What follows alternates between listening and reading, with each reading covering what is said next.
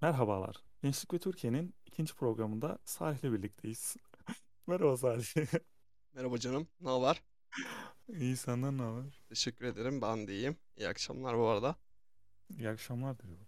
Hı Nasılsın? hı. Keyifler nasıl? Aa, gayet iyiyim.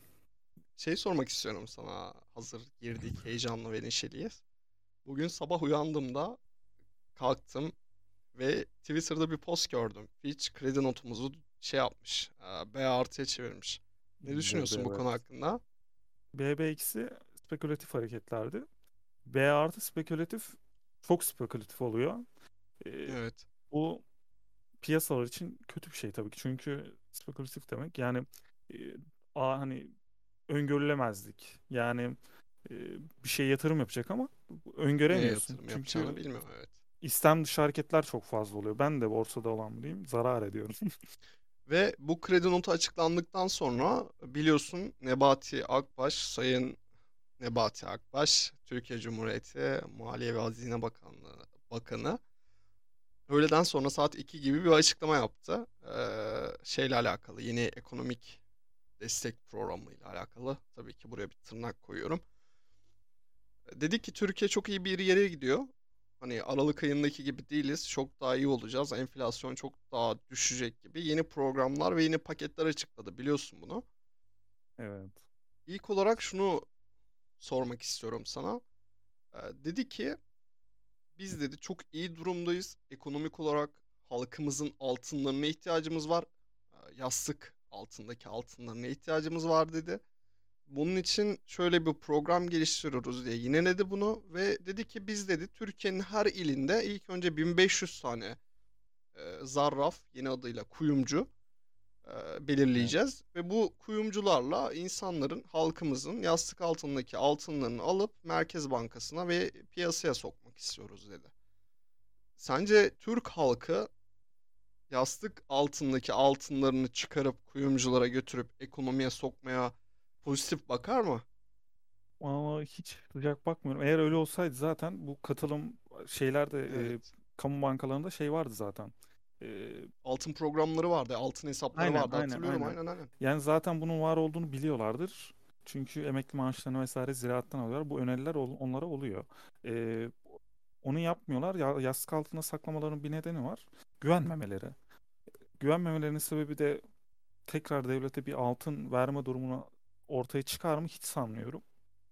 Ya asıl soru şu bence bilmiyorum bunu ne kadar desteklersin ama gerçekten Türk halkının altın şey e, yastık altında altınları var mı?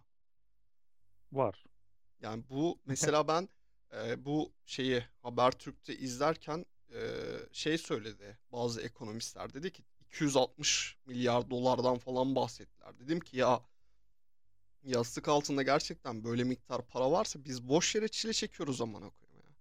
Hani şey falan yapmak istedim babaannemi arayıp acaba gerçekten yastık altında altınların var mı babaanne diye sormak istedim. Yani çünkü bakıyorsun 260 milyar dolardan bahsediyorlar. Yastık altındaki altınlarına ihtiyaç duymaları ve ardından ekonominin gerçekten çok iyiye gittiğini belirtmeleri sence ne kadar sağlıklı? İşte yani vatandaşın güvenmeme sebebi aslında bu oluyor. Yani bankalarda ve şeylerde para tutmuyor. Kendi fiziksel olarak tutuyor. Fiziksel olarak tuttuğunda çünkü e, biri görmüyor, biri şey yapmıyor. Artık ke- onda güvende olduğunu hissediyor. O yüzden bankalarda bu gibi işlemler yapmıyor ki böyle bir kültür var zaten. Yani altın saklama Tabii kültürü var tabii. fiziksel olarak. Onun için bankalar falan güvendiğini sanmıyorum ki bu şey olayları işte 90'larda banka kapatmalar vesaire Evet. vesaire gibi şeylerden dolayı da e, bu Güvenmiyorlar. yastık altında tutma aynen yastık altında tutma olayı çok fazla. E, bu kadar altın miktarının işte ma maliyet ne kadar demişti? 200 60 milyar dolar dediler. Tabii bu şey 260. tah- tahmini bir rakam. Yani ekonomistlerin Evet. söylediği tahmini bir rakam. Ya ben onun gerçek olduğunu düşünüyorum da Ben buraya şöyle de bir parantez açmak istiyorum. Sanırım dün geceydi yine Nebati Akbaş'la alakalı bir haber okudum. Kardeşi sanırım pandemi dahil olmak üzere son 3 ayda 9 tane yeni şube açmış tekstil üzerine. Hangi markayı kullanıyorlar ya da hangi marka onların bilmiyorum ama ben baktım. eee, bazı arkadaşlar şöyle yorumlarda bulunmuş. Bunun normal olduğunu ya da bunun absürt olduğunu söylemişler ki Şöyle ki e, bu şeye nasıl desem aslında şeye çekilebilir.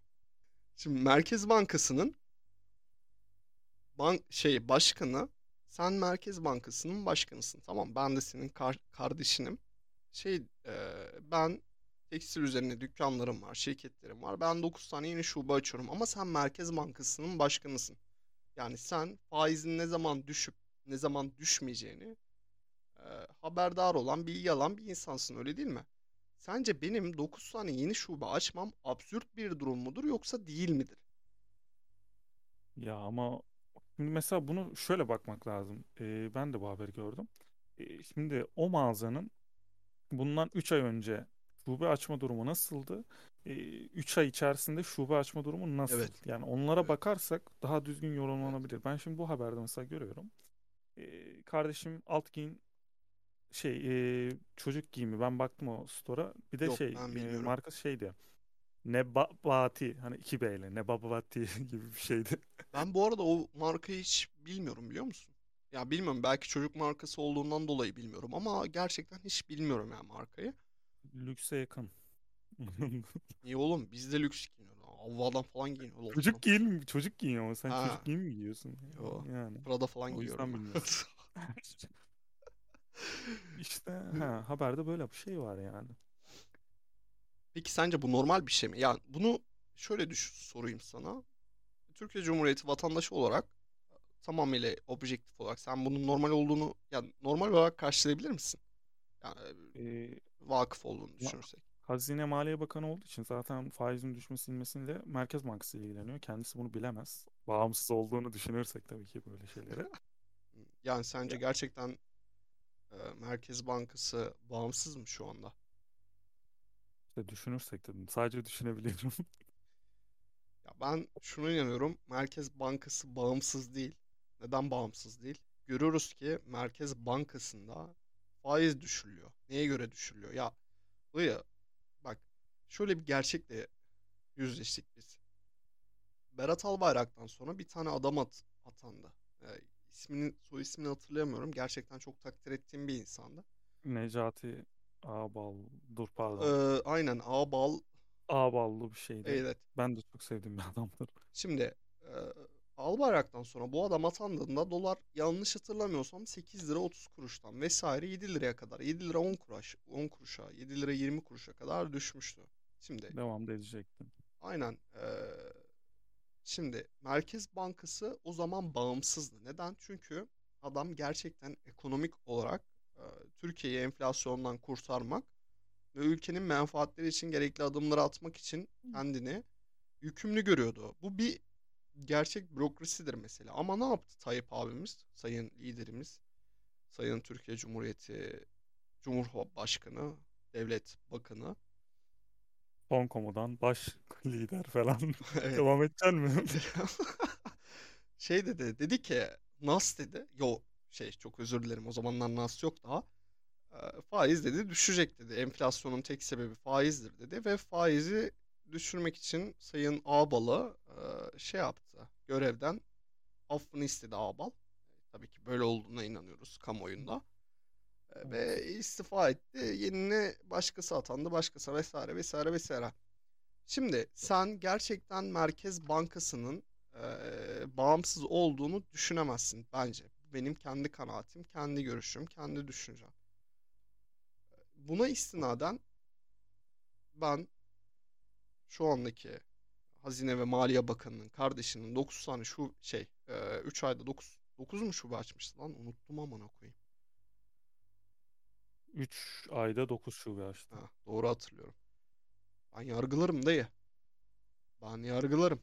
Yani ben ben mesela şu an benim elektrik faturam 1100 lira geldi. Şubat ayında ne kadar fatura gelecek bilmiyorum.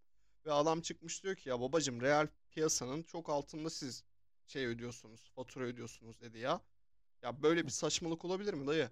Yani ben 1100 lira fatura ödüyorum. Nasıl reel fiyatın altında ya kardeşim? Türkiye'nin bir ilinde 4 gün 5 gün elektrik gönderilemedi. Neden? Yani Evet, bu e, hatta biri vefat etti bununla ilgili. Şey, evet ve şey diye açıkladı da valilik. Ee, kalp krizi dedi yanlış hatırlamıyorsam. Sonra adli tıp raporu açıklandı. Adam evet donarak ölmüş amına koyayım. Bölgelerde donma Aynen. bulmuşlardı falan. Yani şimdi babacım e, tamam amına koyayım. Şey olsun. E, alsın hadi benden 1100 liraya aldı. Tamam ben 1100 liralık elektrik kullandığımı bu ay kabul ettim. E, abi sen 2022 yılında yani 5 gün elektriksiz kalıyor adamlar ve Isparta Belediye Başkanı Antalya diyor ki ya kardeşim diyor bir yardım göndereyim. Burdur mesela yardım göndereyim diyor. Muğla yardım göndereyim diyor. Valilik bunu reddediyor. Ya kardeşim amına koyayım 5 gündür elektrik yok amına neyi reddediyorsun? Ya neyin küstahlığı bu? Bu sence çok absürt ve saçma bir şey değil mi? Yani yok amına koy yapamamışsın, becerememişsin amına koyayım. Yani bunu göz ardı etmemek lazım. Tayyip Erdoğan, Sayın Cumhurbaşkanımız tekrar again. Ee, Yüce Bob baş, başkomutanımız, liderimiz.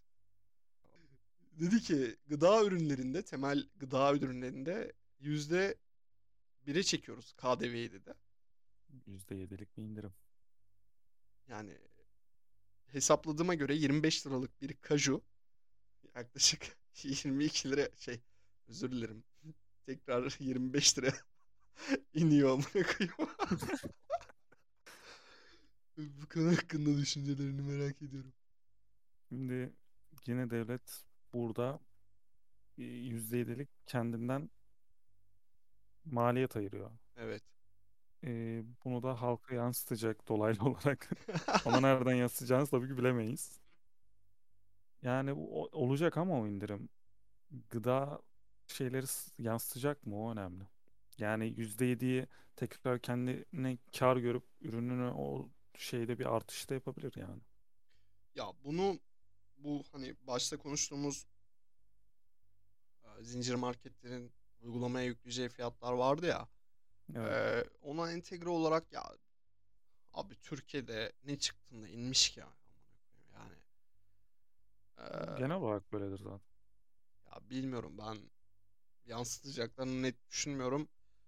Ümidim şu yönde inşallah bebek bezlerinde, bebek mamalarında gerçekten bu indirim yansır ve insanlar en azından 10 liralık, 15 liralık indirimle bu, ürünleri alabilir. Çünkü bilmiyorum sen bebek bezi fiyatlarına daha önce dikkat ettin mi ama dayı gerçekten çok ütopik rakamlar.